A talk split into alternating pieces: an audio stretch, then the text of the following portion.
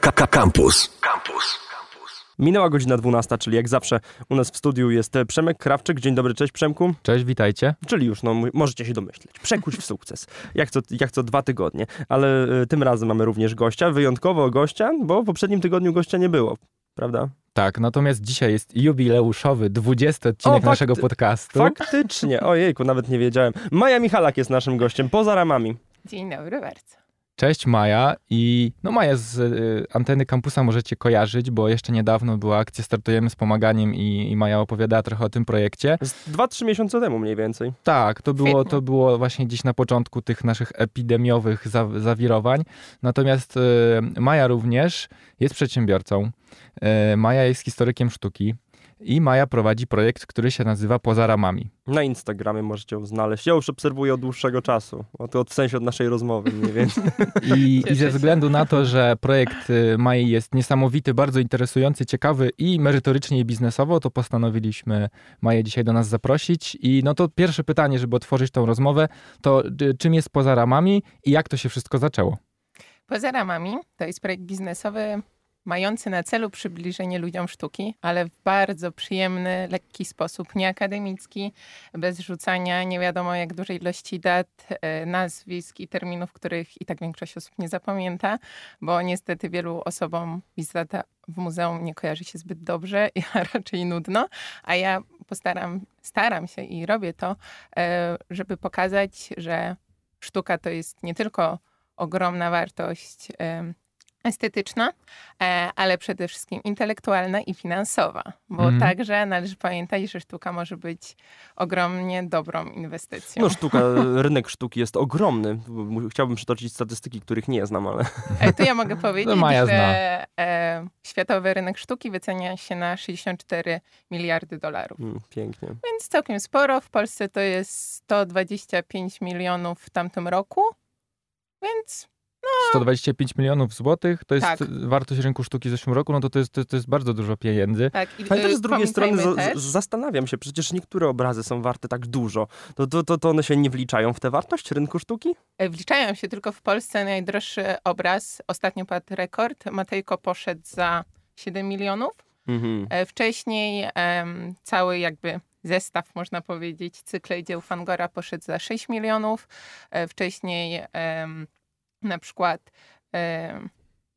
Wyspiański poszedł chyba za 4,2 miliona, więc to są duże kwoty, Mhm. ale No, jednak A to to są pada... pojedyncze Tak, transakcje. raz na Mhm. jakiś czas. Oczywiście z roku na rok jest coraz więcej takich transakcji i rocznie rynek w Polsce rośnie o 17 punktów procentowych, co jest moim zdaniem ogromnym To jest wynikiem. bardzo dużo, ale to z, z czego to rynek. wynika?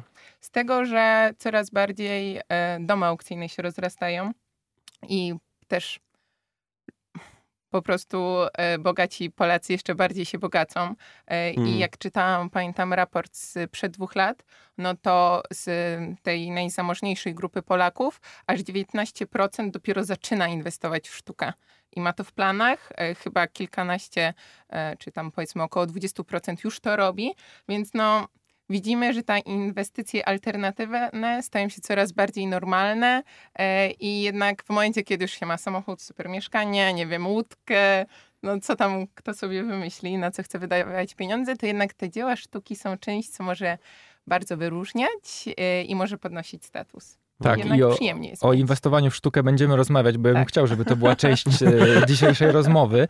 Jest to, jest to bardzo ciekawe, patrząc na, na tą sytuację, która się dzisiaj dzieje na, na rynkach finansowych, ale jeszcze wróćmy do, do Twoich warsztatów, czyli e, opowiedz o początkach i no, o tym, jak to wyewoluowało i jak dzisiaj wyglądają te Twoje zajęcia. No to początki to jest dokładnie rok temu. E, chociaż wtedy jeszcze myślałam, że nie będę łączyć sztuki z biznesem, pomimo tego, że pracowałam w domu aukcyjnym i wiedziałam, że da się to zrobić, ale jednak stwierdziłam, że nie, nie, nie, to nie dla mnie, bo ja wolę pracować na siebie. E, I zawsze myślałam, że biznes będę robiła w zupełnie innym obszarze, a sztuką będę się e, zawodowo zajmować, nie wiem, prowadząc zajęcia na uczelni, robiąc doktorat i tak dalej. Jednak w tamtym roku zaczęłam robić takie pierwsze kameralne warsztaty u siebie w mieszkaniu. Właśnie po jednych z nich mój kolega e, mecenas, prawnik powiedział, że Maja, kurczę, ty robisz super robotę, dlaczego ty nie chcesz wyjść z tym dalej i sprzedawać to firmom na szkolenia integracyjne po prostu jako e, warsztaty podnoszące wartość e, taką zupełnie innego obszaru dla pracowników. Stwierdziłam, że no dobra, super pomysł. I właśnie z tym pomysłem warsztatów dla firm, ale także i pojedynczych osób. E, Zgłosiłam się na Brave Camp, organizowany przez e, inkubator Uniwersytetu Warszawskiego. No i tam dopiero uwierzyłam w ten pomysł. No, czyli wywodzisz się od Przemka praktycznie. Dokładnie No tak. tak. Może nie bezpośrednio, ale rzeczywiście no, koordynowałem ten Brave Camp, stąd się z Mają znamy. I no, my zawsze staramy się, czy próbujemy wyłapać wśród tych wszystkich zgłoszeń jakieś zgłoszenia, które z jakiegoś powodu są ciekawe i interesujące, na przykład nie, niekonwencjonalne. Mm, I dlatego też, y, jako że pomysły, które, których właściciele się wywodzą z takich wydziałów humanistycznych, mm, oni są w mniejszości, więc każdy taki projekt oglądamy dwukrotnie, bo zastanawiamy się, czy rzeczywiście możemy em, tych humanistów gdzieś wciągnąć i pokazać im ten świat przedsiębiorczości, rozwijania własnych, własnych projektów. I rzeczywiście okazało się, że projekt y, Mai po pierwsze y, dostał się na samą szkołę przedsiębiorczości, czyli Brave Camp, a po drugie Maja zwyciężyła, ponieważ podczas Brave Campu uczestnicy biorą udział w warsztatach, rozwijają swój projekt, ale na koniec jest taka gala podsumowująca, podczas której każdy się prezentuje i ma możliwość w ciągu trzech minut opowiedzieć o swoim projekcie i najlepsze projekty zgarniają dofinansowania granty na rozwój swojego projektu. I Mai udało się uzyskać e, po pierwsze pierwszą nagrodę, czyli 5000 zł na rozwój projektu, po drugie jeszcze jakieś nagrody dodatkowe tutaj wpadły, więc no generalnie Maja, Maja rozbiła bank i wtedy chyba tak naprawdę się rozpędziłaś. Zdecydowanie tak, bo jadąc z tym projektem na Brave Camp zupełnie w niego nie wierzyłam i szczerze mówiąc się po prostu cieszyłam, że się dostałam. Mówię, uff, chociaż nabędę tej wiedzy biznesowej, którą zawsze chciałam nabyć, a jednak no, na historii sztuki nie ma No takiej tak. tematyki, jednak bardzo mnie to zawsze interesowało i po prostu sobie robiłam ten projekt, chciałam go zrobić oczywiście jak najlepiej, ale jak już te pierwsze dwa miejsca zostały wyczytane, to mówię, a dobra, trudno, no, ty siostra pamiętam siedziała obok mnie taki, Maja, nie przejmuj się, nic się nie stało. Już w ogóle byłam zrezygnowana, aż tutaj, że o, wygrałam. I to rzeczywiście bardziej chyba ludzie we mnie uwierzyli, niżeli ja sama. I dzięki temu Mm. właśnie w ogóle chciałam rozpocząć. Jeszcze bym chciał mniej konkretnie, może mniej o biznesie, a raczej właśnie o sztuce. Jak mówić o sztuce w taki sposób, żeby chcieli nas ludzie słuchać i żeby nie uważali, że to jest nudne? Bo mówimy, że to robisz, to okej, ale jak? Przede wszystkim nie używać słów, które są dla innych niezrozumiałe. Czyli jakie? czas- Na przykład nie mówić, czym jest chryzelefantyna, sztafaż i... Mnie to ciekawi, Play? już, już jestem zaciekawiony. Chociaż Ale te ty jesteś, słowa Kamil, są... jakby ciebie triggerują dziwne słowa, ale normalnie ludzie tak nie mają. E, Tak, i przede wszystkim nie używać zdań podrzędnie złożonych i nie zaplątywać się w historie, których i tak wiele osób nie zrozumie i też nie warto rzucać, że o, tutaj mam do czynienia ze wczesnym e, barokiem e, włoskim, ale w przeciwieństwie do holenderskiego to jest taki tak jakby Czyli trochę taka cho- choroba wykładowców. Tak, dokładnie. I ja sama wiem, że znacznie przyjemniej mi się słucha o rzeczach, których nie rozumiem i z którymi nie mam na co dzień e, do czynienia. Jeżeli ktoś mi to przedstawia w jak najprostszy sposób, e, interesująco i przede wszystkim sprzedając historię, a nie czytając po prostu e, zdania niczym z encyklopedii, no bo wtedy to według mnie nie ma sensu. I ja też przede wszystkim staram się rozmawiać z ludźmi, a nie robić wykłady, że ja teraz przed wami stanę i opowiem wszystko, co wiem, bo ja tutaj jestem Mhm. panią historyk sztuki, a wy się nie znacie. Zupełnie nie. I ja staram się też ludzi przekonać, że mając wiedzę swoją, nawet z zupełnie innego obszaru, można ją zawsze wykorzystać w historii sztuki. I to jest super interesujące nawet dla mnie, kiedy właśnie rozmawiam z ludźmi i widzą zupełnie odmienne rzeczy niż ja. I dopiero w momencie, kiedy to wszystko połączymy, no to mamy pełen obraz tego. I też pamiętajmy, że nie ma czegoś takiego jak jedna interpretacja dzieła sztuki. Tyle, ile jest nas na tym świecie niemalże, tyle może być interpretacji No ale sztuki. jednak jest klucz, no i co z nim zrobimy? Teoretycznie tak, ale czy to jest takie istotne? Czy w momencie, kiedy idziesz do muzeum, e, zapamiętasz 1500 o- obrazów i do każdego z nich e, opis merytoryczny? Mm. No nie, chociaż powiem szczerze, jak ostatnio byłem na wystawie z Beksińskim, to bardzo bym chciał poczytać jakieś analizy. A to jest bardzo, bardzo ciekawe, dlatego że ich nie ma po prostu nigdzie. Ale super, to właśnie i tutaj masz ten e, punkt zapalny, dzięki któremu ty chcesz dalej pogłębiać e, tą wiedzę i, i mi też na tym zależy, żeby rzucać właśnie to ziarnko, dzięki któremu ktoś dalej będzie chciał się e, dowiadywać więcej na ten temat. I właśnie tak jak powiedziałeś o Beksińskim, no to od razu możesz sobie obejrzeć film o Mhm. Beksińskim, przeczytać książkę, pojechać do Radomia do muzeum. E, to, to wszystko polecam, zrobiłem. No właśnie, i świetnie. I też mm, powiedziałeś, że chciałbyś się dowiedzieć, co tam on miał w głowie. Tak, to, to jest absolutnie bardzo ciekawe. Co ma w głowie Beksiński rysując coś takiego, malując? No właśnie, i często e, ludzie zadają sobie pytanie, co artysta miał na myśli i o co w tym chodzi. Ale Co nie brał? zawsze, tak, ale nie zawsze artyści mieli coś na myśli, a jeżeli nawet mieli, to czy to jest rzeczywiście aż tak istotne? Znacznie ważniejsze jest to, co my czujemy, patrząc na obraz, co my możemy z tego wyciągnąć i na tym budować przede wszystkim e, nasze doświadczenia ze sztuką, bo to jest znacznie ważniejsze. Dlaczego, dl- dlaczego nam tego nie mówią w szkołach? No właśnie. No to, ojejku, to dyskusja w systemie edukacji się odbywa co drugi odcinek tutaj. I nie, nigdy się Coś- nie kończy pozytywnie. Ale no właśnie, bo to można na dwóch poziomach. Można na poziomie emocjonalnym, podoba mi się, nie podoba, lepiej się czuję, mam lepszy humor, jestem zachwycony i tak dalej. Ale też na takim poziomie merytorycznym, że e, obserwując jakieś dzieło możemy dochodzić do jakichś wniosków, które a, gdzieś nam coś poukładają w głowie, b, na przykład uwolnią naszą kreatywność, to jest ciekawe.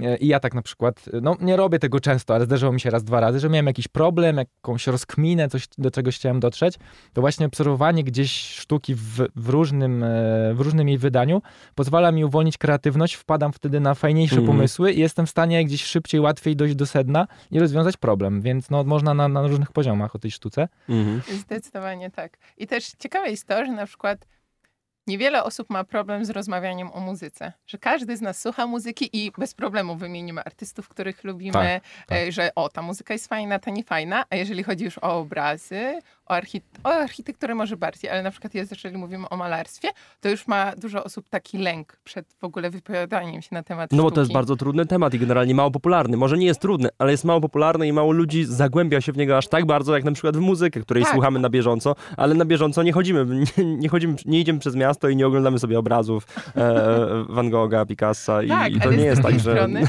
ja na przykład się w ogóle nie znam na muzyce. Mogę właśnie powiedzieć, to mi się podoba, to nie. Nie wiem, bardziej lubię alternatywną, nie wiem, od rapu, no cokolwiek. Ale jakby, czy ja znam historię muzyki, czy ja jestem w stanie powiedzieć coś więcej o tym, co się działo przed, albo jaki tutaj jest takt, coś. No w ogóle No tak, też sama pewnie nie, znam. tak, No zazwyczaj nie umiemy grać na instrumentach, prawda? A mimo to możemy się na, na ich Tak, temat wypowiedzieć. To jest ciekawe. inaczej. Pomimo tego, że jesteśmy w stanie powiedzieć, o, ten obraz ma dużo zielonych kolorów, niebieskich i trochę żółtego, wydaje się całkiem radosny, no i dobrze się przy nim czuję, jest tyle i tyle postaci i my jesteśmy w stanie mówić o sztuce, tylko nie musimy mówić, że o, tutaj jest kompozycja diagonalna, przeważają e, barwy monochromatyczne i tak dalej. Nie musimy tak mówić Tak, o dokładnie, dokładnie w ten sam sposób możemy mówić też o muzyce No przecież, dokładnie. dokładnie w No, identycznym. no dokładnie, gdzieś na przykład jakieś tam dźwięki są, e, Tak.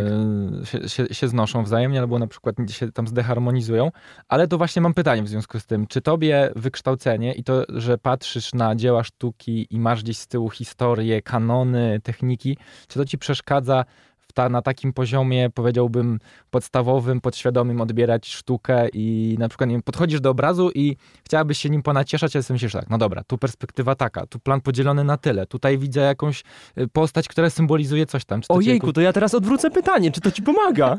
E, I tak i nie. Tutaj e, świetnie i pomaga i przeszkadza, bo w momencie, kiedy widzę bardzo znane dzieło sztuki, które pojawia się w każdym podręczniku i należy do kanonu, no to już mam problem, żeby w taki świeży spo, e, sposób na nie spojrzeć. E, I tak, i rzeczywiście wtedy ta moja wiedza mi trochę przeszkadza, bo wiem, że na przykład ten artysta był bardzo uznany i jego dzieła wiszą w muzeach na całym świecie, ale w momencie, kiedy podchodzę do jakiegoś dzieła i zupełnie widzę je pierwszy raz w życiu, no to wtedy właśnie znacznie łatwiej mi jest o zachwyt i e, o to, żeby zupełnie w inny e, sposób na nie spojrzeć.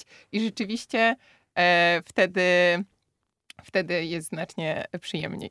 No, rozbudziła nas ta rozmowa o sztuce, mam wrażenie. Mam, mam, mam, mam też nadzieję, że rozmowa o pieniądzach równie bardzo nas rozbudzi, bo sztuka to jest jednak potężny rynek, jak powiedzieliśmy, sięgający e, na całym świecie. Ile? 64 miliardów dolarów. 64 miliardów dolarów. To są ogromne pieniądze e, i równie duże generalnie można na tym zarobić, robiąc to wszystko. Nie tyle, co malować, ale co inwestując w sztukę. Zdecydowanie tak. Najlepiej to pokazuje nawet nasz rodzimy rynek sztuki, który rośnie z roku na rok bardzo i co roku praktycznie są odnotowywane nowe rekordy sztuki, ale także ilość sprzedawanych y, dzieł jest ogromna.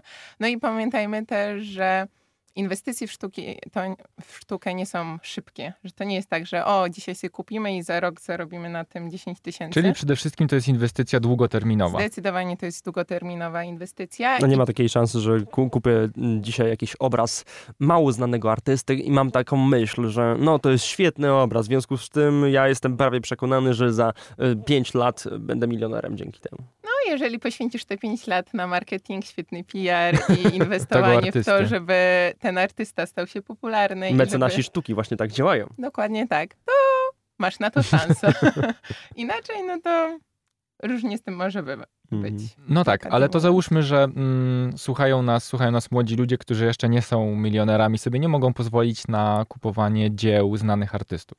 Natomiast mamy, żyjemy w, w takich czasach, w których nasze oszczędności leżąc na koncie bankowym topnieją i są wżerane przez inflację. Ludzie się zaczynają skłaniać, szukać jakichś alternatywnych źródeł mm, inwestycji. I tutaj pojawia się właśnie rynek sztuki. Jak osoby, które mają niezasobny portfel, ale mają jakieś oszczędności, w jaki sposób one mogą rozpocząć swoją przygodę z inwestowaniem w sztukę? Najprościej i najczęściej pojawia się taka odpowiedź, e, żeby po prostu inwestować w to, co nam się podoba. Bo tutaj nie mamy tej pewności, czy to będzie dobra inwestycja, czy nie. E, a jednak dobrze, żeby się to, co mamy w domu, co będzie nam wisiało przez kilka, kilkanaście lat, żeby sprawiało nam przyjemność. I właśnie tutaj musimy zaufać inwestycji. I oczywiście mówi się, że dobrze inwestować w znane e, nazwiska, które są na czasie i tak dalej, ale to może się zmieniać, więc ja bym była do, co do tego dosyć ostrożna e, i po prostu inwestować w to, co nam się podoba. I naprawdę inwestowanie w dzieła sztuki nie trzeba zaczynać od inwestowania 100 tysięcy w obraz. Zupełnie nie. W, na aukcjach młodej sztuki dzieła zaczynają się już od 1000 zł, e, chociaż w mniejszych galeriach może to być nawet i niższa cena, e, a często się zdarza tak, że e, ceny dochodzą nawet do dwudziestu kilku tysięcy. Więc to jest ogromna różnica i też są artyści, których pracy zawsze się dobrze sprzedają i rzeczywiście widać e, ich wzrost. No i wtedy można tym także się w pewien sposób e, sugerować. Jak bardzo ryzykowny jest ten rynek? A co masz dokładnie na myśli? Mam, mam na myśli, że e, dzisiaj stwierdzę, chcę kupić, podoba mi się ten obraz i jaka jest szansa, że kupię obraz za dajmy na to 2, 3, 4 tysiące i za um, właśnie choćby 5 czy 10 lat on nie będzie nic wart? Że nic wart nie będzie, to raczej wątpliwe. Mhm. Najgorsza chyba z sytuacji to jest taka, że po prostu utrzyma się on e, na takim poziomie, jak był w momencie, kiedy go kupowałeś. Musiałoby się coś stać naprawdę starszego, albo nie wiem, jak bardzo moda by musiała się zmienić na jakiegoś artystę, czy po prostu na sztukę, e, lub po prostu, nie wiem, kto, jakieś złe wydarzenie związane z artystą bardzo źle, niekorzystnie wpłynęłoby na jego e, PR w stylu, nie wiem, okazałoby się, że wszystkie prace kopiował albo po prostu robił pastisz, czyli na podstawie innych dzieł artystów kreował teoretycznie swój styl, ale tak naprawdę to nie była e, jego kreatywność, no to wtedy mamy gorszą sytuację. E, ale czy można aż tak dużo stracić?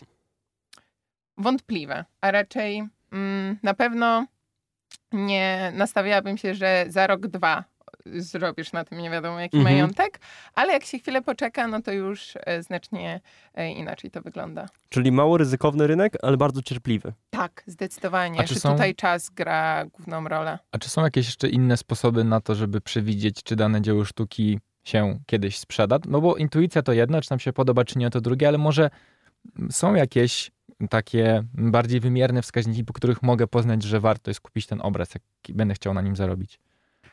Szczerze mówiąc, tak dokładnie nie wiem, bo taką samą sprzedażą dzieł sztuki nigdy się nie zajmowałem. Nie chcę robić tutaj z siebie eksperta, ale można, nie wiem, zobaczyć takie mm, historie dosyć e, głośne w momencie, kiedy ktoś na przykład uznawał, że dany obraz pochodzi z kręgu danego artysty, z jego szkoły, czyli nie jest stricte e, spod jego pędzla, tak e, w cudzysłowie to ujmując, e, ale w momencie, kiedy zainwestujemy w badania, które są dosyć drogie, żeby zebrać cały sztab specjalistów, którzy potwierdzą rzeczywiście autentyczność. Tutaj świetny przykład Leonardo da Vinci i najdrożej sprzedany obraz na świecie, który na początku XIX, XX wieku był sprzedany. Teraz rzucam, ale coś w stylu 150 dolarów. Tak Tak. a został sprzedany za 120 milionów. Ale z tego co kojarzę, do dzisiaj jeszcze stuprocentowo nie wiemy, że to był dokładnie, jego obraz. tak, ale chodzi o to, że po prostu e, wreszcie po kilku latach on tam przechodził z rąk do rąk. Mhm. Ktoś zainwestował bardzo duże pieniądze, no i czas, żeby zebrać zespół specjalistów, którzy rzeczywiście potwierdzą to, no bo tutaj nie chodzi tylko o to, o czy te kolory się zgadzają, czy nie, ale trzeba też znaleźć e, odpowiednią dokumentację, e, właśnie najlepiej jakieś zapiski z czasów, kiedy on powstawał, porównywanie także z innymi działami, no szereg różnych działań e, i w momencie, kiedy my to e, potwierdzimy, no to wtedy cena może bardzo wzrosnąć. No tak, czyli to bardziej jest tak, że po zakupie albo przy okazji właśnie postawienia na jakiegoś artystę, bo na jakieś obrazy, my będziemy mogli po, dopomóc temu dziełu, żeby ono zyskało na wartości. I to jest to, o czym też rozmawialiśmy trochę poza anteną, prawda? Że można, można rozpocząć jakieś tam PR-owe akcje, gdzieś promowania artysty i men, meneca, mene, mecenasowania, prawda? Tak, e, ale właśnie też e, przypomniało mi się, że e, usłyszałam ostatnio coś takiego, że niektórzy kolekcjonerzy mają taktykę kupowania dzieł od artystów, którzy już się zbliżają ku końcowi. Chodzi mi, że to jest takie bardzo umrzeć. pesymistyczne. Tak, Tak, niedługo że- mogą umrzeć i po prostu, no bo często Ale tak to jest. sprytne, bo wtedy wiadomo, Tak, dzieła sztuki że w cyk. momencie, kiedy Już umiera nigdy nie- artysta, nic no nie to stworzą. tak, e, ceny rosną, więc no Bo tak, bo już nic więcej nie stworzy, więc Tak, to jest to trochę też jest tak, że taktyka. zbiór się staje skończony nagle. Mm. No, Zgadza się. Jak trudno jest takie dzieło sztuki sprzedać? Bo zastanawiam się, czy jakbym kupił takie dzieło sztuki, to czy po prostu wystawiając je na sprzedaż, czy znajdzie się na nie kupiec? Bo to jest coś takiego, że jednak to, jak to jest możliwe, że teraz chcę to sprzedać i ile muszę czekać na sprzedaż takiego dzieła? I gdzie je sprzedać? Czy na Allegro, czy, y, czy na OLX-ie? Gdzie? E, tak, na takich portalach też się znajdują dzieła sztuki, chociaż czasami jak widzę takie kwiatki tam, to... e, No to to jest ryzykowne w takim to. razie, A tak? kwiatki to może jakieś okazje inwestycyjne, że na E, przykład ktoś tak. się nie zna i bardzo tanio wystawia i wtedy można E, kupić. A raczej ludzie próbują tak Czy dzieło przez stronę? siebie namalowane sprzedawać za milion. Okej. E, Ale tak e, całkiem serio, to w momencie, kiedy posiadamy dzieło sztuki, to takim pierwszym miejscem, do którego warto się udać, e, no to jest po prostu dom aukcyjny. Domów Mhm. aukcyjnych w Polsce mamy wiele i też należy patrzeć, który dom aukcyjny w czym się specjalizuje. Bo w zależności od tego, czy robi 5 aukcji w roku, czy 60 aukcji w roku, no to możemy zobaczyć, czy nasze dzieło szybko się pojawi w sprzedaży, czy nie. E, I zazwyczaj takie informacje na stronach domów aukcyjnych e, się znajdują, że na przykład do tego i tego dnia zbieramy obiekty, nie wiem, rzeźby na aukcję rzeźby, która odbędzie się za dwa miesiące. Tutaj zbieramy pracę, nie wiem, artystów z Młodej Polski, z École de Paris, z artystów e, współczesnych. No, w zależności od kategorii, ale też można po prostu przyjść z tym dziełem i powiedzieć, dzień dobry, ja mam takie i takie dzieło, e, czy jesteście zainteresowani? I zazwyczaj po prostu ktoś się przyjmie i powie, damy panu znać za dwa tygodnie. E, I wtedy komisja w domu aukcyjnym e, rozstrzyga to, czy to jest wartościowe dzieło, czy chcą je przyjąć na aukcję, jeżeli już to na jaką i też czy pasuje stylistycznie i w ogóle koncepcyjnie do tematu całej aukcji, która będzie w najbliższym czasie, czy na przykład zostanie wystawiony dopiero za pół roku. Więc e, wtedy w domu aukcyjnym otrzymamy szereg informacji, chociaż też można zrobić to w taki bardziej kameralny sposób, można powiedzieć, czyli idąc do galerii i tam próbując sprzedać dzieło sztuki e, i wówczas zazwyczaj chyba galeria kupuje po prostu to dzieło sztuki i ona potem je sprzedaje, bo w momencie, kiedy idziemy do e, domu aukcyjnego, no to my jesteśmy e, po prostu osobą Nadal jesteśmy właścicielami tego Tak. dzieła i tylko pośredniczy dom aukcyjny. Dokładnie, dokładnie tak.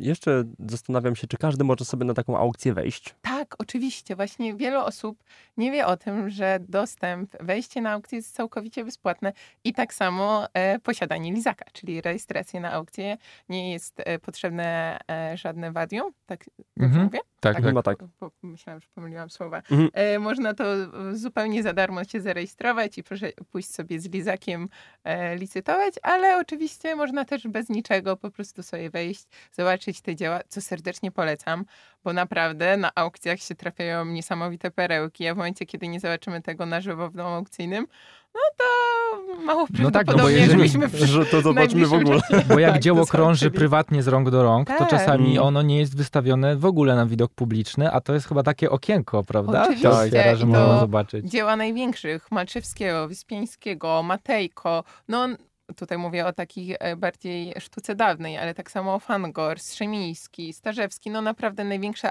e, nazwiska można spotkać w domach aukcyjnych e, i tam można wejść praktycznie o każdej porze dnia i nocy, znaczy się śmieję w momencie oczywiście otwarcia galerii domów aukcyjnych, ale można sobie tam po prostu wejść, obejrzeć wszystko, i zobaczyć. No dobrze, to ja jeszcze, jeszcze ten temat pociągnę. Czy są jakieś miejsca w internecie, na przykład grupy, forum sympatyków, którzy się wymieniają informacjami, słuchajcie, pojutrze na aukcji będzie ten i ten obraz. O, to jest ciekawe pytanie. Jakieś, czy istnieją takie społeczności, jeżeli ktoś się interesuje i chce dołączyć, być gdzieś na bieżąco z takimi informacjami? Czy takich aukcyjnych czy takie aukcyjne istnieją grupy? Szczerze mówiąc, nie wiem. Taka najsłynniejsza na Facebooku grupa historyków sztuki i w ogóle mhm. artystów to jest De Arte, ale tam jest bardziej tak naukowo, że wtedy, tam się wymienia nowymi publikacjami naukowymi, jakimiś mhm. konferencjami e, i tak dalej, bo zazwyczaj w momencie, kiedy chce się interesować um, obiektami, które pojawiają się na aukcjach, no to zazwyczaj się jest podłączonym do newslettera domów aukcyjnych e, i po mhm. prostu się samodzielnie mhm. śledzi i też w momencie, kiedy się kolekcjonuje, no to ma się swojego opiekuna, takiego doradcę, e, klienta, który na bieżąco e, dzwoni i mówi, że o, ja wiem, że pan e, kolekcjonuje to i to, wiem, że do tej kolekcji pasowałby także taki obraz, a akurat on jest w ofercie, no to zapraszamy, żeby sobie zobaczyć. Ja? Dobra, czyli newslettery aukcyjne. Czyli newslettery, no właśnie, tak, bo to, to wyekstrahowałem, że sobie można się zapisać i wtedy mm. się dostaje tak, informacje. Tak, tak, tak, To super. I też e, wszystkie obiekty są e, przedstawione na stronach internetowych, można katalogi e, pobierać jest mhm. naprawdę ogromna. Fajna sprawa, można sobie pójść do takiego muzeum, nawet, nawet z czystej ciekawości zobaczyć, jak wygląda aukcja sztuki. Nawet jeśli się tym nie interesujecie, to warto to z- zrobić. O bo, jest, to bo... są takie emocje. Jest tak super. Ja to mówię jako osoba, która pracowała w domu aukcyjnym, mm. która to uwielbia, ale za, jeszcze długo e, przed tym, jak e, zaczęłam pracować właśnie w domu aukcyjnym, to tak po prostu przychodziłam sobie na aukcję i ta atmosfera i te emocje, które towarzyszą, nawet jeżeli to są dzieła za 3-4 tysiące, chociaż jak wchodzi takie za za miliony. To jest super. No tak, stawka się zwiększa. No. No dobrze, super. Ja w ogóle zaraz zapomnę, a chciałem powiedzieć coś chyba mądrego, więc zanim zapomnę, to powiem, bo chcę wrócić do tego, co Maja powiedziała gdzieś na początku naszej rozmowy, że jak jechała na Brave Camp, to nie do końca wierzyła w pomysł i tak dalej. I to jest bardzo ważne, to co ty Maja powiedziałaś. I to się zdarza bardzo, bardzo często, że mamy jakiś pomysł, budzimy się z nim, i są dwa podejścia często. Pierwsze to jest takie, że to jest najlepszy pomysł na świecie i ja będę nowym Steve'em Jobsem i nikt mi nic nie powie, bo to jest idealny pomysł i już od dzisiaj będę go robić i nie słucham nikogo, co ma do powiedzenia, bo inni ludzie się nie znają, ja, ja się znam. I to jest oczywiście złe podejście. Ale drugie, nie wiem, które jest gorsze chyba, bo są tak samo złe.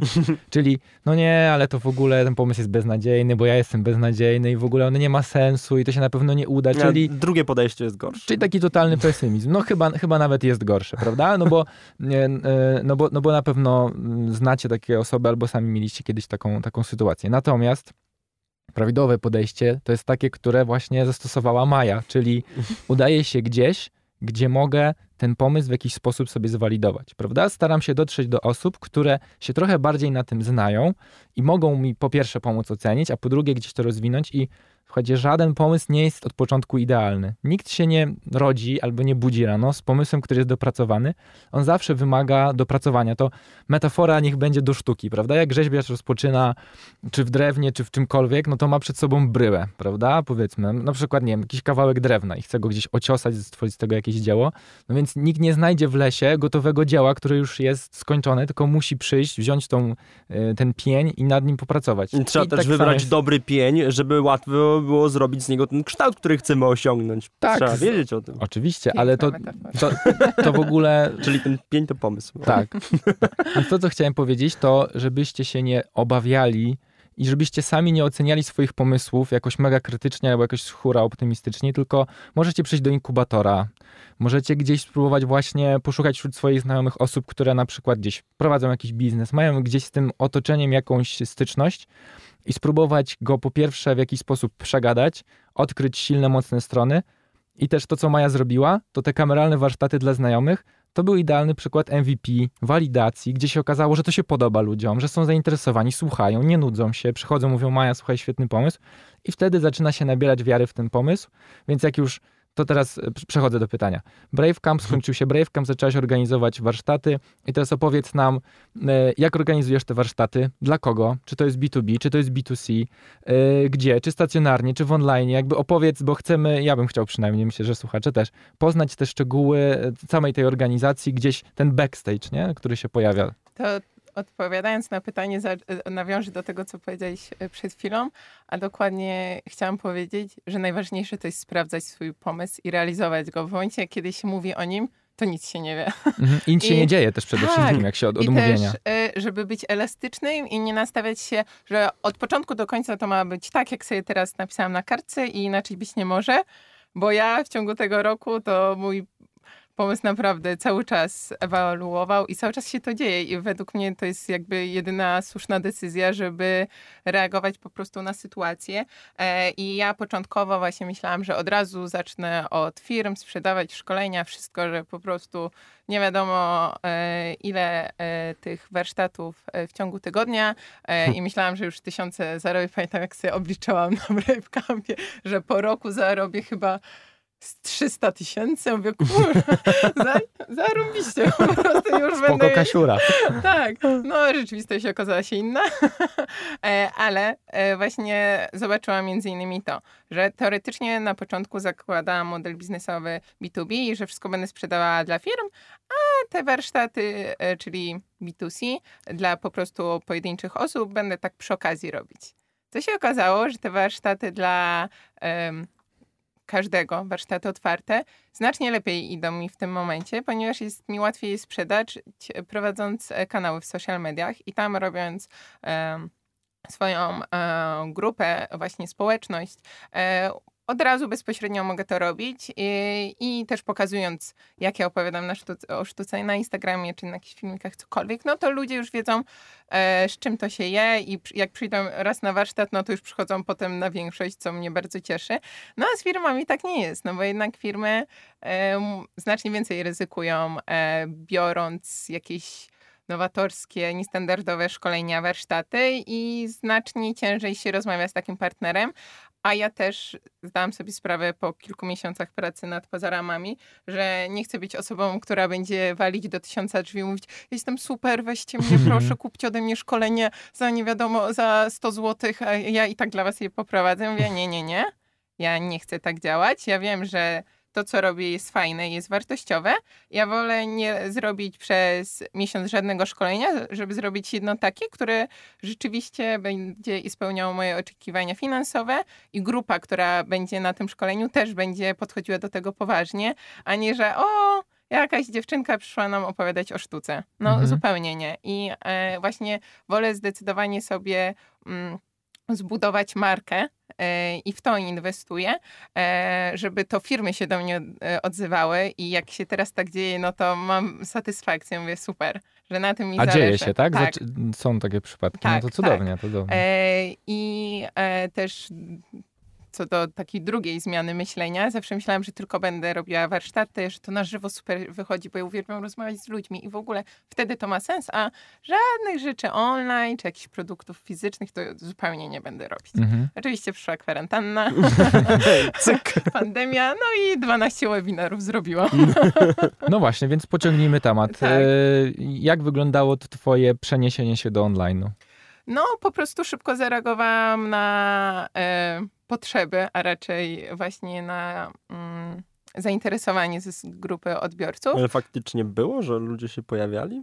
Tak, no na pierwszym webinarze miałam 120 osób, potem na U. kolejnych też bardzo dużo. A przypomnijmy, że to są webi- webinary, które są płatne, prawda? Nie, nie, te były A, te darmowe, webinary bo były darmowe? były dla akcji Startujemy, Startujemy z z pomaganiem. A, tak. okej. I można było... Mm, Po prostu do nich dołączać. Tak, i ten y, możliwość datkowania, Tak. prawda? Gdzie pieniądze przychodzą na wsparcie służby zdrowia. Tak, i Mhm. właśnie dzięki tym webinarom z, też zbudowałam, wydaje mi się, naprawdę dużą bazę kontaktów, bo no, dla mnie jedna czwarta tej e, bazy, no, jest to kilkaset osób, Mhm. naprawdę dużo osób, Mhm. które uczestniczyły w e, tych webinarach i też wiem, jak dużo osób potem do mnie pisało, że o Maja, nie zdążyłem, chciałbym e, odsłuchać ten webinar i tak dalej. Ja mówię, że no nie, to są webinary na żywo, jeszcze to są charytatywnie w pełni przeze mnie robione, a tak samo dużo pracy i zaangażowania Mhm, ode mnie jasne. wymagają, bo przygotowanie jednego webinaru na takim poziomie, z którego ja będę zadowolona, no to jest około 40 godzin.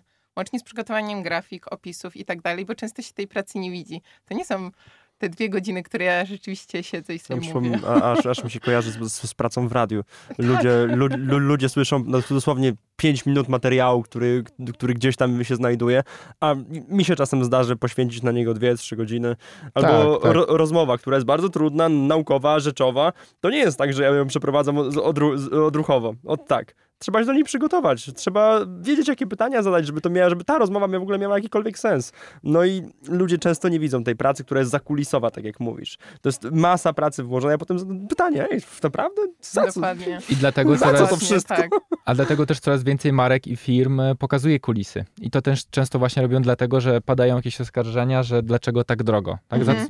za co ja płacę tyle pieniędzy? Więc często firmy właśnie pokazują te kulisy i często profile w social media tak wyglądają, że no a tutaj siedzi sobie Ania, zobaczcie. I, i, Ani zadaniem jest robienie tylko tego, ona to robi przez cały dzień, bo to jest, wydaje wam się, że to jest w ogóle coś, co nie jest istotne, ale to jest tyle pracy z tyłu, że aż musi być Ania, która siedzi przy biurku i robi to całe dnie, prawda? No, dokładnie. Ja Ostatnio ogóle, już mi się, no. przepraszam, ostatnio mi się przypomniało, bo e, zamawiałem tapicerkę i ta tapicerka była wed- wedle mojego wzoru zrobiona. To jest z- znajoma firma, robiła mi tak trochę po znajomości. No i mm, przychodzę, już zrobiona, patrzę, no fajnie, fajnie, to ile pieniędzy. To jeszcze zanim powiedział mi o cenie, to pokazał mi filmik, jak e, jego pracownicy wyszywają piki specjalnie. Aha, że to jest ręczna robota. Że to jest ręczna robota. I on mówi, kurde, no ja, ja, nie mogę za to wziąć za, zbyt, zbyt mało. To jest mój, zna- to, to był mój znajomy i tak ten. Ale, ale właśnie chodzi o to, że, tego, że kulisy pracy, których często nie widzimy i jak bardzo pracochłonne to jest, mogą nam zmieniać bardzo mocno perspektywę. I powiem, powiem szczerze, jednocześnie fajna technika negocjacyjna. No tak, i to jest, y, to jest taka technika, która się mocno wiąże z językiem korzyści. Jak mamy na przykład usługę, to też jak dajemy cenę, to powiedzenie, że to kosztuje 300 zł i koniec, to nie jest dobry sposób. To kosztuje 300 zł, ale jeżeli to kupisz, to za te 300 zł dostajesz A, B, C, D, E. I wymieniamy wszystkie korzyści, wtedy klient myśli, no dobra, to w sumie jak sobie sumuję, to jest warte więcej niż te 300 zł, więc warto, żebym zainwestował te pieniądze i to zapłacił, nie? No. A miałeś moja takie przypadki, że klient B2C, który przyszedł na zajęcia, potem w jakiś sposób ci otwierał drogę do firmy, w której na przykład pracował, bo ja Tak. tak mam często. Że przy, przyjeżdżają nauczyciele na wycieczki i ten nauczyciel należy do jakiegoś ciała rady pedagogicznej nauczycieli w województwie i nagle się okazuje, że raz, że dzwoni do mnie 30 nauczycieli właśnie z tej rady, ale sama ta rada na przykład chce zorganizować jakiś wyjazd i, i przyjeżdża do nas, więc y, właśnie, czy tak bywa? Tak, zdecydowanie i mam z tego świadomość, dlatego też zastanawiam się w ogóle, czy by nie zapraszać po y, jakichś przedstawicieli z firm na warsztaty właśnie otwarte, bo już kilkakrotnie, nawet nie wiedziałam, kto tak naprawdę znajduje się u mnie na warsztatach, po czym przychodzi ktoś i mówi, no ja pracuję w takiej, w takiej firmie, y, czy chciałabyś do nas przyjść? A ja, wow, jasne.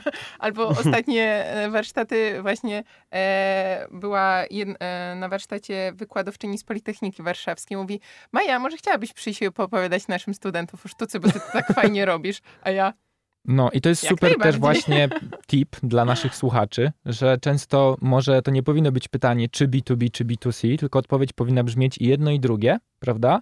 Przygot- dostosowujemy produkt, usługę do klienta indywidualnego i Maja to robi organizując warsztaty, gdzie się można pojedynczo zapisać, kupić sobie bilet, e, tak to normalnie wygląda, prawda? Ubierzemy udział i można podobne zajęcia dostosować właśnie do mm, tej usługi B2B. E, I tak Maja robisz, kiedy wprowadzasz elementy jakiegoś team buildingu, na przykład jakiejś e, współpracy w Mhm. zespole i ci klienci często jedn, jakby jeden segment i- napędza ten drugi, nie? Czyli dokładnie tak. B2C napędza B2B i może też w drugą stronę, prawda? Że jak byłem na szkoleniu w firmie i mi się spodobało, to wieczorem sobie idę na piwo ze znajomymi i mówię, słuchajcie, dzisiaj miałem super dzień w pracy, bo taka dziewczyna do nas przyszła i opowiadała właśnie o sztuce, ekstra, i ona mówiła, że jakiś w ogóle z dwa tygodnie jest warsztat i że można sobie pójść. Słuchajcie, idźcie, bo to jest ekstra sprawa. Tak, No i właśnie to jest strony. świetne, bo e, pojedyncze osoby przyprowadzają nagle szóstkę znajomych. I naprawdę tak się dzieje. Mówię, wow, że w ogóle super. I oni mają ekstra wie- e, wieczór, no bo u mnie jest, jest wino, przekąski, można zostać jeszcze e, sobie miło spędzić czas, czy przenieść się zupełnie gdzieś indziej, ale już to mamy takie fajne spotkanie, z którego dodatkowo mamy wartość merytoryczną No tak. i nowe umiejętności, więc no, wydaje mi się, że to jest e, naprawdę dobre połączenie tych rzeczy, ale jeszcze chciałam wrócić właśnie co do tego, że kwarantanna uświadomiła mi, że nie tylko warsztaty otwarte i taki kontakt bezpośredni e, może być czymś, co oferuje poza ramami, ale tak, żeby, żeby wreszcie sprzedawać te webinary, bo jednak było zainteresowanie nimi Mhm. bardzo duże i właśnie teraz jestem w trakcie pracy nad e, platformą. Mam nadzieję, że ona za chwilkę ruszy, e, żeby właśnie to zrobić. A, albo na zasadzie Netflixa, że, e, wykupi, e, że można wykupić dostęp i sobie oglądać ile się chce tych Mhm. filmów związanych ze Mhm. sztuką, albo po prostu pojedyncze filmy, już mieć je na zawsze, pobierać sobie i móc e, na nich pracować. O, super. I to w ramach No. jakiejś swojej platformy, Tak, gdzieś tak, autorskiego tak. rozwiązania. Fajnie, Tak, bo tak, wtedy Nie, nie jesteśmy zależni od y, jakichś dostawców, Mhm. albo też zgarniamy większą część tego zysku, jeżeli jesteśmy w stanie. Więc to jest, to jest w ogóle no, niesamowicie ciekawe. Tak, i w ogóle tutaj też warto powiedzieć, że w momencie, kiedy się zaczyna własny biznes, to zazwyczaj wszystko się robi samemu. Więc trzeba mieć i umiejętności marketingowe, PR-owe, i trzeba umieć robić grafiki i opisy na stronę, i w ogóle samemu sobie stronę postawić, bo jest teraz tysiąc możliwości. Ja też sama sobie robię jakby platformę, po prostu włączając różne wtyczki i tak Mhm. dalej. Więc naprawdę własnymi siłami, jeżeli się chce, to można bardzo dużo. No to, to tutaj jest taka rzecz uniwersalna wśród wszystkich y, osób, które kiedykolwiek zajmowały się jakąkolwiek działalnością. No musicie być mu multizadaniowi, to na pewno. Tak. Musicie umieć dużo rzeczy zrobić, a jeśli nie umiecie, to się ich nauczyć. Tak. Ale prawda jest taka, że wszystkiego da się nauczyć. Właśnie, o Właśnie. tym mówię, Kwestia, tak, tak, kwestia tak. czasu. Tak, kwestia dokładnie. czasu dla mnie tylko. Kwestia nauki i takiej chęci osobistej Tylko również. ciekawe jest to, że wiele osób myśli, ojej, ty się zajmujesz sztuką, to musi być takie przyjemne. Ty pewnie tylko tej sztuce. Ja, No to jest jakieś 10% tego, co robię. Ale tak, to jest przyjemne, bo to mnie motywuje, żebym robiła 90% pozostałych rzeczy, bo no inaczej pewnie nie miałabym w ciężkich momentach e, tyle samozaparcia i w ogóle motywacji, żeby to kontynuować. No dobra, no to social media, profile. Gdzie masz profile social media? Mm, Czy je prowadzisz sama? Mm, To już słyszeliśmy, że przynajmniej częściowo tak. I jaka strategia? Y, Opowiedz trochę o twojej promocji. Wiem, że jest Instagram, poza ramami, to wiem na pewno. Możecie zerknąć, sprawdzić. Fajny profil, polecam. I wiem, że Maja go prowadzi sama, przynajmniej tak to wygląda. Tak, zdecydowanie prowadzę sama i oczywiście zaczynając myślałam, że będę wszystko prowadzić. Oczywiście Facebook, Instagram, LinkedIn, e, YouTube, za chwilę Mhm. podcast i po prostu na każdym będę tak samo zaangażowana. Oczywiście czas zweryfikował, że dobrze można prowadzić tak naprawdę jedno, maksymalnie, maksymalnie dwa media. No i ja najlepiej się czuję na Instagramie i rzeczywiście tam jest mnie najwięcej. Staram się być tam niemalże codziennie i nie tylko dawać posty merytoryczne, ale także takie praktyczne w stylu właśnie o, zobaczcie, tutaj jest darmowy dzień zwiedzania muzeum, albo możecie sobie skorzystać z takiej z takiej platformy, żeby się więcej nauczyć. No i dodatkowo oczywiście tam też można powiedzieć, e, że dzielę się swoją wiedzą, opisując obrazy, mówiąc o jakichś ciekawostkach, e, czy pokaz, pokazując różne inne tematy związane z tym, więc tak jak najbardziej na Instagramie jestem najwięcej e, i pomimo tego, że wiele osób mówi, że o, powinnaś założyć kanał na YouTube i w ogóle, bo tak dobrze ci idą webinary, mówię, okej, tylko niech ktoś za mnie to montuje, e, nagrywa, pisze scenariusze i tak dalej i mi doda dwa dni dodatkowe do tygodnia, to mogę to robić. No tak, bo, bo No. są tacy ludzie. Jest Gary Warieńczuk, który tak, ma YouTube'a, ma Facebooka, ma Instagrama, ma podcast, pisze książki i to tak trochę wygląda, jakby on nic innego nie robił, tylko Pewnie tak media. jest zresztą. I trochę tak jest, ale z drugiej strony, jeżeli chodzi na przykład o podcast, no to on nagrywa treść, ale gdzieś tam content mu ktoś przygotowuje, potem obrabia mu ktoś inny, wrzuca ktoś inny. Na YouTubie tak samo. Krzysztof Gonciarz, który jak nagrywał daily vlogi, ludzie sobie myśleli, to co on cały Mhm. dzień albo nagrywa, albo montuje, nie? W ogóle on nic innego nie robi. Ale on w zasadzie nagrywał, po czym wysyłał to do trzech osób, które dla niego to montowały. Ktoś inny robił do tego napisy, ktoś robił mu kopii, y, a ktoś inny prowadzi jego social media i jakby on jest w centrum tego wszystkiego i on jest osobą, która dzisiaj tworzy ten content ale gdzieś wszystko dookoła ma już wyoutsourcowane. Dokładnie. Na początku robił to sam, ale teraz już raczej tego nie robił. Przychodzi taki moment, kiedy się okazuje, że bardziej się opłaca komuś zlecić, Mhm. bo on to zrobi za 200 zł w godzinę, a ja bym to robił 3 godziny, a jak ja pracuję godzinę, zarabiam 300, więc prawda? Więc bardziej mi się opłaca, żeby to komuś oddać, nie? Niż, No. niż robić to samemu. Znaczy, ja nie mówię, że nigdy tego nie zrobię i Mhm. że nie rozwinę także innych kanałów. Przy współpracach jak najbardziej właśnie z przyjemnością przyjdę do podcastu, podzielę się tym, co wiem, jak najbardziej, ale na przykład nie jestem w stanie sobie wyobrazić, że teraz zakładam swój podcast i robię go na takim poziomie, jakim bym chciała, bo bym musiała poświęcić właśnie pozostałe rzeczy, które robię teraz, a jakby Mhm. nie o to chodzi. I jeżeli będę mieć kanał na YouTubie, co wątpliwe w najbliższym czasie, e, ale jak już, no to będę dla kogoś robić, bo już rozmawiam o różnych współpracach właśnie mających mm, to w zamiarach, e, ale właśnie jeżeli już, to będę potrzebowała kogoś do pomocy, żeby rozwijać e, inne gałęzie. No ale czy to jest ten moment? No raczej nie. A to w takim razie może nam zdradzisz, jakie są plany na najbliższą przyszłość? Czy kontynuujesz te rzeczy, które robisz, czy może jakieś w planach właśnie nowości? No, usłyszeliśmy o platformie na Tak, pewno. Tak, tak. to I to jest znam, to mój już główny e, cel, żeby właśnie ruszyć z platformą, z webinarami. Mam nadzieję, że także z e-bookiem, który będzie... Nie, nie jestem jeszcze w 100% zdecydowana, Czyli czego będzie książkę? pierwszy. Znaczy właśnie, nie chcę, żeby to była taka książka, książka, no bo t- teraz każdy wydaje e-booki i niektóre mają 50 stron, nie- niektóre mają 200. Raczej chciałabym po prostu w taki kompaktowy sposób em, zebrać wiedzę praktyczną dla osób, które chciałyby zacząć e, przygodę z historią sztuki albo po prostu wiedzieć, jak efektywnie zwiedzać muzea, bo to jeżeli się wie, to jest bardzo proste, jeżeli się nie wie, no to cięż, ciężej zaplanować dobrze podróż. No i różne takie inne rzeczy.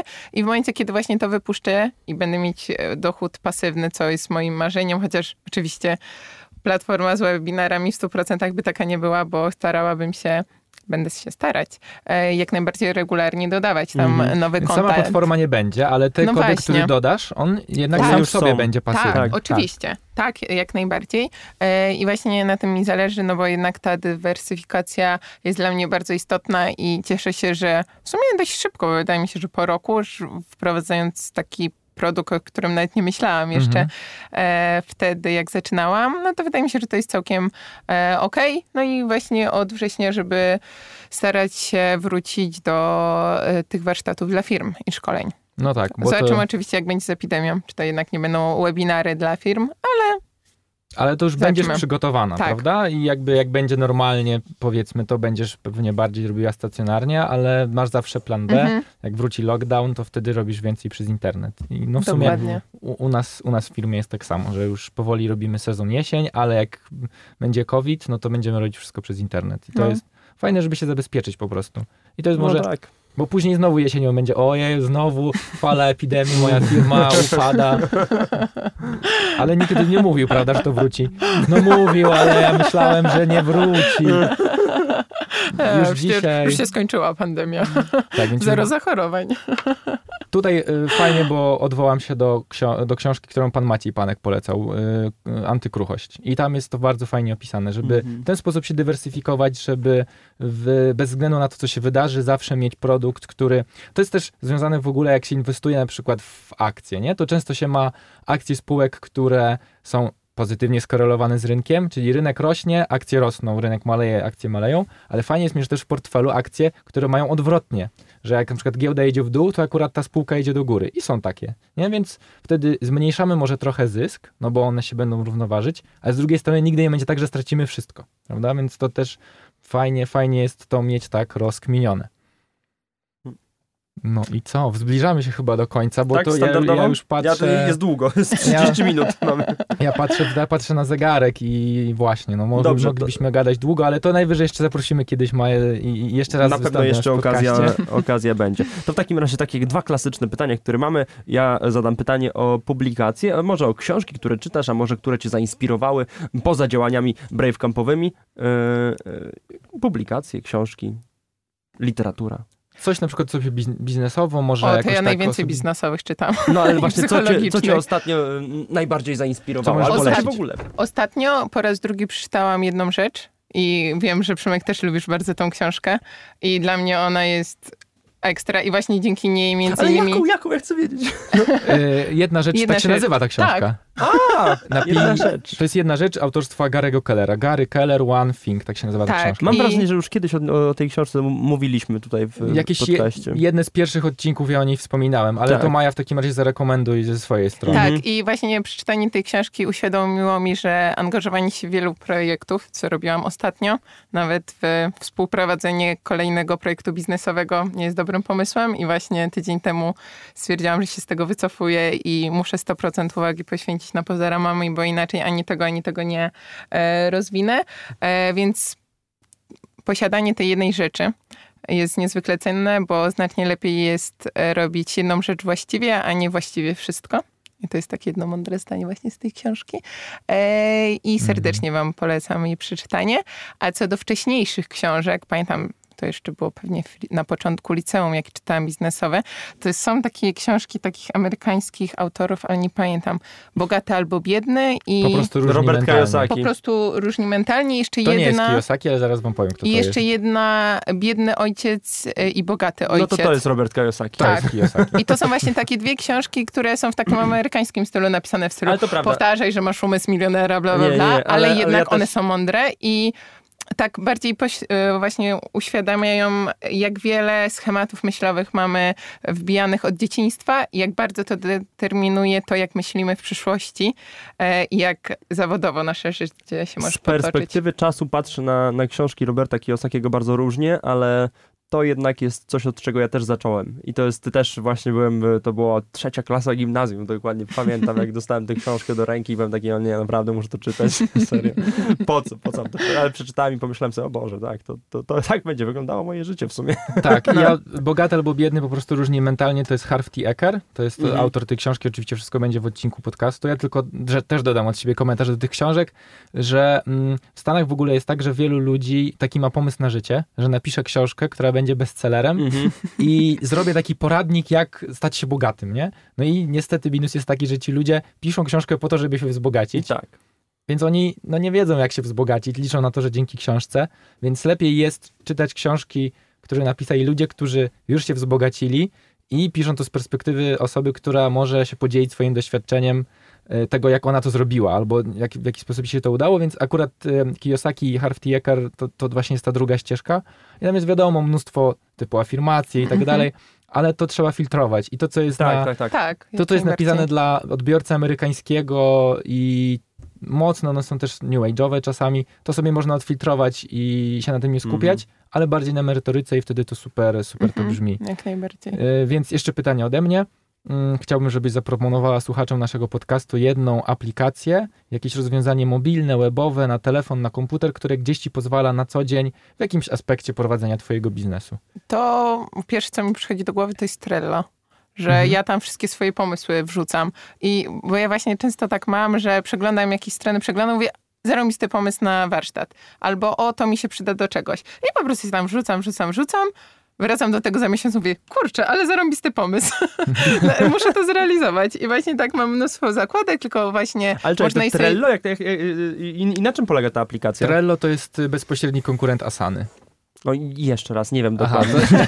to, widzę, że ci nie pomogłem. To jest, narzędzie, to jest narzędzie do zarządzania projektami. Taki, Mhm. Takie środowisko do zarządzania projektami, prawda, w którym można właśnie rozpisywać projekty, zadania, harmonogramy, notatki, pliki. No to jest takie multi, multi narzędzie. E, I to jest fajne, dlatego że ty Maja o tym opowiadasz, bo często ja słyszę na przykład super, jak się pracuje w zespole, to Asana Extra, ale jak ja sam sobie robię, jestem jednoosobową firmą, to czy to mi jest w ogóle potrzebne? Maja jesteś Jak najbardziej tak. jednoosobową e, firmą, więc możesz powiedzieć, że Tak, bo można sobie to, e, nie wiem, w Wordzie zapisywać wszystkie pomysły, ale jednak to nie jest tak przejrzyste, tak szybkie do zaaplikowania i też tam można różne zakładki robić, różne pomysły i naprawdę sobie to szeregować jak tylko się chce. I ja też nie jestem osobą, e, która wpisuje w kalendarz każdą jedną rzecz, jest super poukładana i Mm. ma wszystko po prostu co jest. do linijki. ja jestem. E, tak. Czego staram się uczyć oczywiście, bo to bardzo się przydaje, e, ale przynajmniej takie narzędzie może to ułatwić. Oczywiście nie mówię, że codziennie tam coś wrzucam i że sobie odhaczam wszystko, co zrobiłam, e, ale dzięki temu, że właśnie można linki dodawać, że można robić listę zadań, że można napisać komentarze, dodawać jakieś zdjęcia, no przeróżne rzeczy, to naprawdę to jest super pomoc. No i co, co najważniejsze, to jest właśnie darmowe narzędzie, mhm. które pozwala w Trello, można do 100 osób w zespole za darmo korzystać, więc w zasadzie powiedzmy, że większość firm naszych słuchaczy może tam się znaleźć. W Asanie ten limit jest do 20 osób, więc jak ktoś działa w zespole powyżej 20 osób, to wtedy Trello, Trello, Trello jest nadal darmowym rozwiązaniem. Mhm.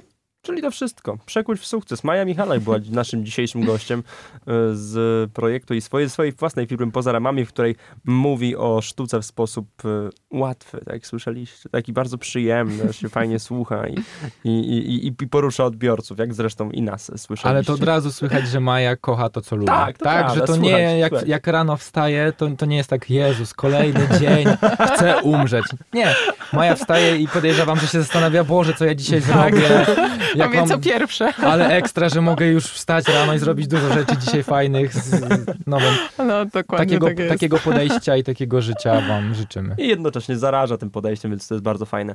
Zachęcamy, żebyście zapoznawali się z jej, z jej e, pracą, bo to, to naprawdę warto e, nawet choćby sprawdzić ciekawości. Tak, dziękuję. Ja myślę, że Instagram, a potem z Instagrama wszędzie można dotrzeć, jak tak, ktoś chce dokładnie. dalej. Więc... Dokładnie, tak. Czyli to już wszystko. To dziękujemy, wam, dziękujemy wam bardzo. Tak, dziękujemy za słuchanie. Słyszymy się w kolejnym odcinku. Papa. Pa. Słuchaj Radio Campus, gdziekolwiek jesteś. Wejdź na www.radiocampus.fm.